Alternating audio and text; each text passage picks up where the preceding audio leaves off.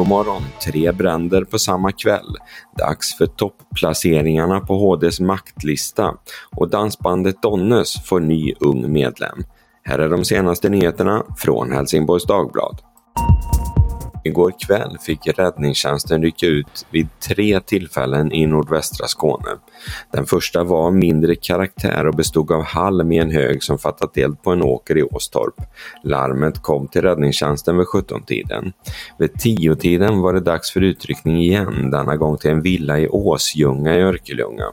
Räddningstjänsten larmades dit eftersom det slog upp lågor ur en skorsten. Men väl på plats kunde inte räddningstjänsten hitta någonting onormalt eller farligt utan kunde snabbt återgå. Kvällens tredje brand inträffade i Ekeby ungefär samtidigt som den i Åsjunga. Här handlade det om en container som stod nära Ekeby skola i Bjuvs kommun.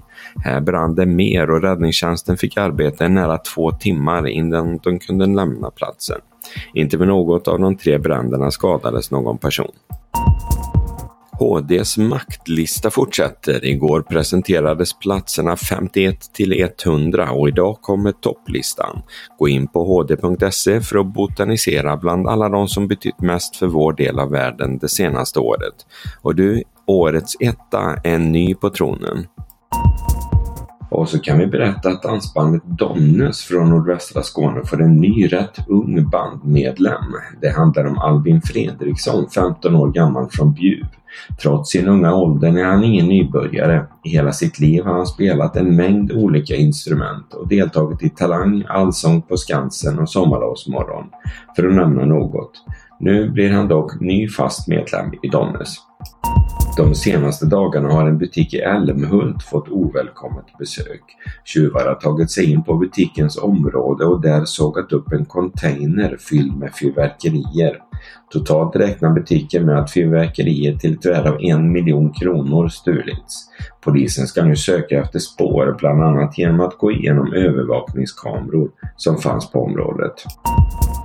Ett 40-tal personer dog när en tankbil igår exploderade i Liberia i Västafrika. Lastbilen körde i diket och började läcka bensin.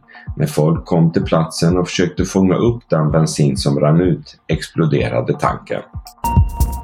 Och så vädret. Det blir en mulen dag i nordvästra Skåne. Temperaturen blir förhållandevis hög med 6-8 grader under största delen av dagen. Vinden blir lite mer än måttlig mitt på dagen och lägre vid början och slutet. Mestadels blåser det från sydväst. Det var allt från Helsingborgs Dagblad den här morgonen. I studion Peter Färm. Läs mer på hd.se. Vi hörs!